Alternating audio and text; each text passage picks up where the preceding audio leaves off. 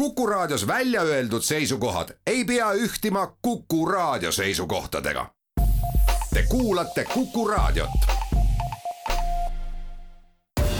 Tartu linnasaade tere, tänane saade tuleb Tartu südalinna kultuurikeskusest ja selle rahvusvahelisest arhitektuurivõistlusest ning seminarist ja võtame kõneks ka Tartust startinud vabariikliku ettevõtmise sada suusatundi. Nende teemade lahtirääkimiseks on kolm intervjuud, need on teinud Madis Ligi. alustan linnaarhitekt Tõnis Harjusega. see südalinna kultuurikeskuse päevakorda tulek põhjustas kohe elava arutelu mida siis kesklinna teha, mis siin on kunagi olnud, kas peaks uuesti täis ehitama või mitte, kas võib puid maha võtta või mitte? Ja kui palju neid võtta võib, nii et eh, selles mõttes see diskussioon oli nagu sisse ette kirjutatud absoluutselt ja tegelikult see diskussioon on ju paljuski aastakümneid käinud, et kuhu Tartu linn areneb, me kõik teame, et Tartu linna ruumi kujunemine on väga palju sõltunud teisest maailmasõjast, mis tegi suure kahju äh, meie ajaloolisele keskkonnale siin südalinnas. ja pärast seda on ju järk-järgult kogu aeg linna mõnes mõttes taastatud äh, ja ümber defineeritud, milliseks see ruum siis kujuneb. ja ega see defineerimine ei lõpe kunagi, et teatud mõttes ju linnad kogu aeg arenevad ja muutuvad, valmis me õnneks kunagi ei saa aga nüüd äh, viimane kümme aastat umbes on see hetk äh, olnud, kus me oleme rohkem arutlenud just selle üle, et kuidas linnade keskused just ellu jääks.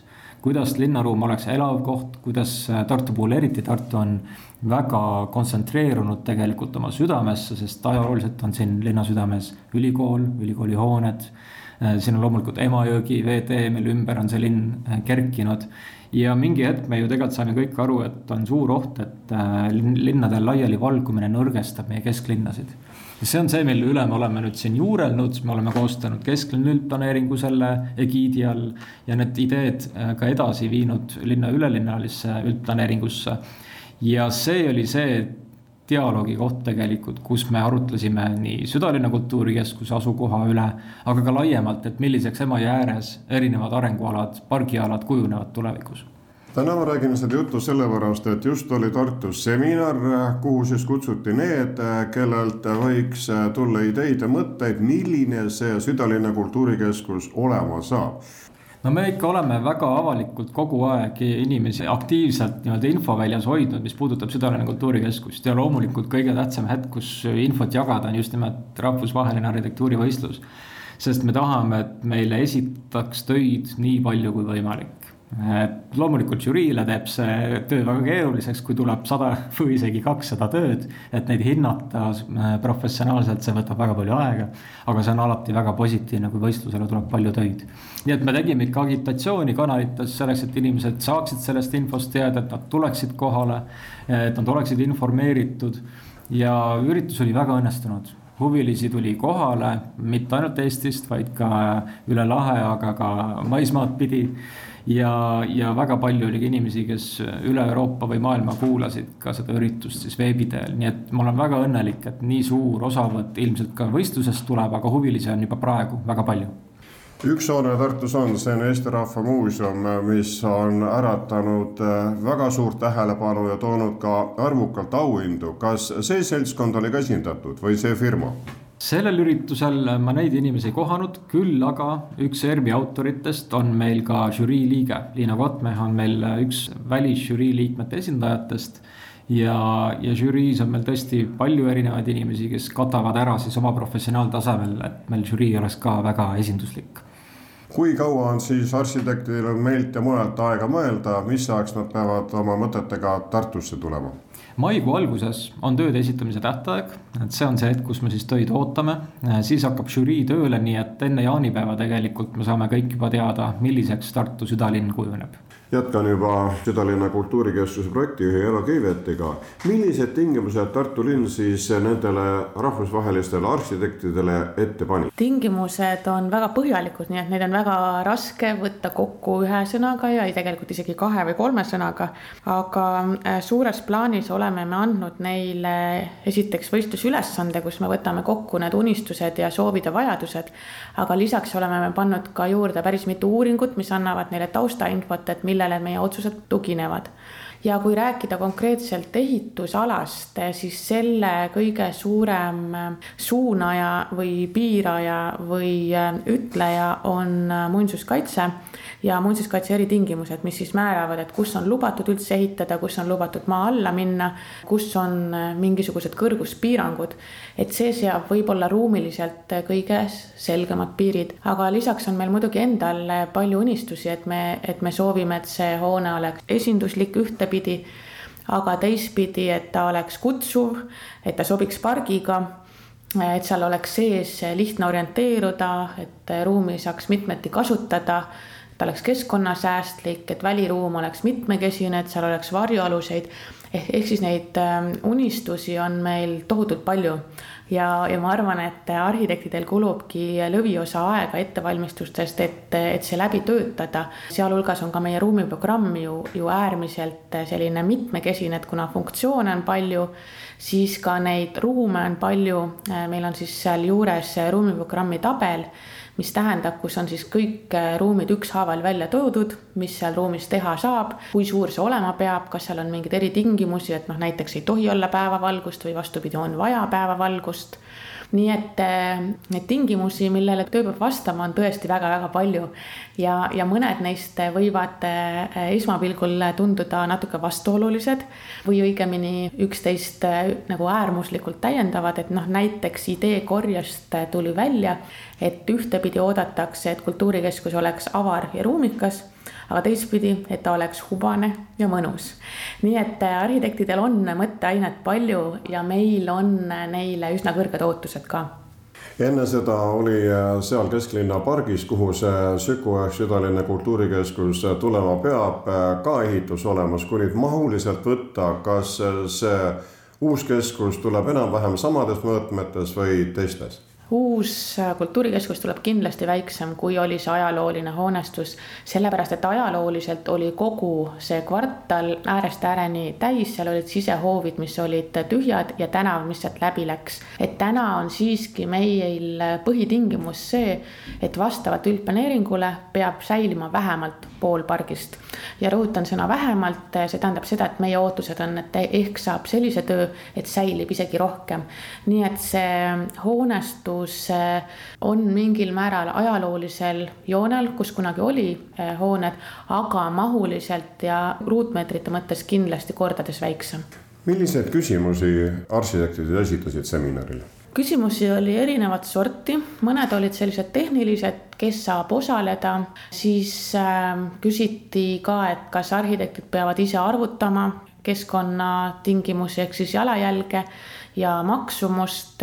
küsiti, et kuidas on kunstimuuseumi ruuminõuded seoses päevavalgusega. et tegelikult tänapäeva muuseumid suures osas päevavalgust ei soovi isegi, seda küsiti lausa mitu kord, mitu korda ja, ja kunstimuuseumi direktor saigi siis seletada, et enamus näitusi tänapäeval vajab pimendatud ruumi sellesse südalinna kultuurikeskusse peavad siis oma uue kodu saama Tartu Kunstimuuseum, Tartu Linnaraamatukogu, kes ja mis veel? lisaks on seal sündmuskeskus kahe äh, suurema saaliga, kahe väiksema saaliga, siis on seal väärtfilmi kino, siis on seal äh, toidukohad, äh, seal on muuseumipood, fuajee koos turismiinfo ja linnainfoga, siis on seal ka tööruumid kõikidele asutustele ja siis mingi väike hulk ruumi, mille tänast otstarvet me veel ei tea, et selle me jätame siis tulevikuks selliseks arenguvõimaluseks, et. et sinna võib siis tulla rentnik, kes sobib kultuurikeskuse üldise kontseptsiooniga kui nüüd arhitektid on oma mõtted välja käinud, kui kaua on siis Tartu linnavõimudel aega arutada nende üle ja millal võiks ju ehitus alata? Ehituseni läheb veel kõvasti aega. arhitektid kõigepealt umbes neli kuud saavad mõelda ja joonistada. viies mai on tööde esitamise tähtaeg ja kuna me loodame eh, ja eeldame, et töid tuleb väga palju, kuna juba täna on näha, et huvi on väga suur nii Eestis kui välismaal, siis eh, läheb päris palju aega selleks, et žürii saaks teha tööd.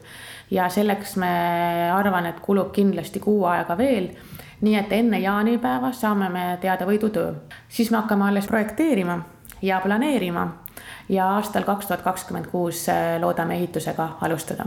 Üks otsus on tehtud ja see on vabariigi mastaabis, ehk siis Tartu südalinna kultuurikeskus kuulutati selle pingerea esimeseks objektiks, nii et osa raha tuleb riigi käest. tõsi, riik tunnistas meid konkursil esimeseks, ehk me oleme riiklikult tähtis kultuuriobjekt number üks. Ja teine tähtis otsus on tehtud ka linna tasandil detsembrikuus, kui algatati detailplaneering ja tehti siis lõplik kooskõlastus kultuurkapitali rahastustingimuste osas, ehk siis see leping on nüüd allkirjastatud tingimused on kokku lepitud, planeering on algatatud, nii et siis nii riiklikul kui linna tasandil on tehtud kõik, et see kultuurikeskus saaks hakata tasapisi kerkima. Tartu linnasaade saade läheb edasi suusateemaga, läheb sellepärast, et Tartus hüüti lahti sada suusatundi, mis on vabariiklik ettevõtmine, mille taga on Suusaliit ja mitmed teised ning suusatreener Vahur Teppaniga me oleme praegu Tähtveres siin raja ääres, kus on suur kiri Limba suusakooli õppeväljak ja pisikesed suusatajad praegu hoolega harjutavad. siin saab esimese kogemuse kätte ja tehislumi püsib kaua no Tartu on sel aastal väga tublit tööd tõesti teinud, et see sulalaine küll siin käis, aga, aga enne saadi see kunstlumerajad tehtud, et kilomeetrine ring pluss kõik õppeväljakud on lumega kaetud, et siin pole hirmu, et nädal-kaks sula midagi liiga teeks, et äh, kiitus Tartu äh, Tähtvere rajameistritele ja, ja linnale, et selle tegevuse siin ette võtsid kas äh, see sada suusatundi, tasuta suusatundi on mõeldud just nendele pisikestele kaasmaalastele või igas eas? no meil on üle Eesti igas maakonnas saab olema nüüd jaanuari lõpuni, ma arvan, et praegu meil on üle saja viiekümne suusatunni ja sealhulgas nii lastele, noortele kui ka täiskasvanutele, et iga tund on äh, eraldi ära markeeritud Suusaliidu lehel, et tuleb leida endale see nii-öelda vanuserühm. Ja, ja, ja mõnes tunnis on ka märgitud, kas on nüüd algajate tund või edasijõudnute tund, et äh, algaja on siis see, kes nii-öelda vajab igasugust nõu, kuidas liikuda, kuidas see laskumisasend, sahkpidurdus on. edasijõudnu on see, kes tuleb rajal igatepidi toime, aga tahab lihtsalt oma suusatehnikat paremaks saada, et kõikidele sihtgruppidele oleme püüdnud leida neid suusatunde oluline on siis luua sinasõprust suusatamisvõimalustega ja suuskadega, et kui lund jälle rohkem, siis saab lumelaudadega ringi sõita küll jaa, terviserajad üle Eesti on ju tegelikult väga hästi neid asju arendanud. väga paljudes, eriti suurlinnades on need kunstlumerajad ka olemas, et, et siin mina arvan, et Tartu märtsi lõpuni kindlasti suusatab ilma vahepausideta et, et, et väiksemad kohad, minu meelest Vooremäel on väga head rajad. nüüd ei tea, kuidas see sula seal looduslikule lumele hammast näitab, aga suusarajad on hästi hooldatud üldiselt, kui see lumi on olemas, et tulge, tulge ja kaege kes tahab internetist infot otsida, siis löögu lahti Eesti terviserajad ja sealt saab teabe kätte. sealt saab teabe Eesti terviseradade kohta, kes tahab nüüd suusatunni spetsiifilist infot ja tundi tulla, siis minge suusaliit.ee ja sealt avalehelt te leiate kindlasti kindlasti sada suusatundi ja maakondade lõikes klikkige õigele maakonnale ja, ja leidke sobiv tund, pange ennast kirja. varasematel aastatel on Suusaliit organiseerinud ka sellise suusabussi, mis sõidab mööda vabariiki, jagab suuski, õpetab suusatamist, lühidalt kutsub talvest rohkem osa saama, olema aktiivne. kas ka tänavu? ja see suusabussi aktsioon tegelikult on juba, kui ma ei eksi, neljateistkümnes hooaeg ja neid busse on lausa kaks, on äh, Harjumaal või õigemini Põhja-Eesti buss ja on ka Lõuna-Eesti buss, mida ma ise siin opereerin opereerin ja, ja koolid, lasteaiad on siis äh, kas näiteks äh, Tõrvast, Karksi-Nuiast, kus iganes, äh, Alatskivilt, eks nad helistavad, kirjutavad ja, ja tellivad seda vastavalt bussigraafikule ja siis me, meie suusaõpetajad koos varustusega liiguvad kohale ja viivad varustuse, õpetame suusatama, et see, see tänuväärne projekt on tõesti väga-väga pikalt siin Eestis käinud ja nüüd me oleme juba ma arvan, et viimased seitse-kaheksa aastat on lausa kaks bussi meil liikvel. kõik ei peagi Tartu maratoniks harjutama, vaid võib lihtsalt talve nautida ja need sada suusatundi ongi siis selline tähelepanu tõmbaja, eesillutajad, olge julgemad, tulge loodusse. Ja tulge, tulge radadele ja tulge, tulge õppige endale, kes pole kunagi õppust teinud, tulge õppige endale uus oskus juurde ja, ja kes on, kes on ammu unustatud, vana nii-öelda ära unustanud, et tulge, tulge taas, et püüdsin head eeskuju leida, helistasin Katrin Karismaale, et küsin, kas, kas tahaksite olla heaks eeskujuks Eesti inimestele ja, ja rõõmuga oli nõus ja, ja Keila radadel läks ka suusatama ja, ja oli väga õnnelik, et, et taaskord suusaraja üles leidnud on, et, et leidke teiegi, näeme, näeme suusarajal no Tartu maraton on siin äh, kutsunud äh, kaasa Kristiina Ehine ja Silver Sepa, kes on äh, siinsamas ka suusasamme teinud. nii et tähtis ei ole need kilomeetrid, tähtis on see, et inimene tahab midagi teha, oma keha eest hoolitseda. täpselt, tahab endast võitu saada, et väga harva näeb inimest, kes on liikumas käinud ja, ja pärast on halvas enesetundes, et tihtipeale, kui see tööpäev lõpeb ja, ja tekib niisugune tunne, et no istuks maha diivanile, no korra võib istuda, aga ajage püsti, käige ikkagi õhtul ringi, ei pea, ma ütlen, et ei pea tingimata suusatama, minge jalutage, minge sörkige või tulge suusatama. uskuge mind, pool tundi hiljem äh, on enesetunne väga-väga mõnus. kui vaadata meie põhjanaabrite poole või minna Norrasse, kus sa treenerina oled hiinlasi seal koolitanud, õpetanud, siis eeskujud on võtta. rahvaspordi tasemel me peaksime ikkagi põhjamaalastele natukenegi lähemale saama ja eks, eks seal see huvitav on see, et just Norras see kultuur on väga-väga hea, et ega, ega kõrval Rootsi nii väga, nii väga eeskujulik enam ei olegi, et aga norrakatelt on üht-teist õppida ja ma arvan, et ega Eesti inimestel see liikumine südames tegelikult on, et et see tuleb, see harjumus ja, ja teguviis tuleb nagu teha regulaarseks ja, ja traditsiooniliseks, et Norras pühapäev on näiteks niisugune päev, kus kõik poed on kinni, keegi kuskil shoppamas ei käi, et siis teataksegi, minnakse peredega matkama ja, ja nii on ja nii on aastast aastasse Vahur, kas suusatamine on äh, noorte seas juba nii populaarne, et Limpa suusakool saab ilustama grupid täis, enam erilist äh, kutset äh, ei ole vaja? Limpa suusakool on tõesti, me kaheksas aasta siin Tartus tegutseme ja enamus lasteaedu, ma arvan, on tee meieni leidnud ja iga aasta leiavad ja ja koolidest iga aasta tuleb neid juurde, et tegelikult on mure selles, et meie majakene on nii pisike, et üle ühe rühma meil korraga ei mahu, et meil, meil lihtsalt füüsiliselt ei jõua sisse-välja siin saapaid ja varustust vahetada vahetada.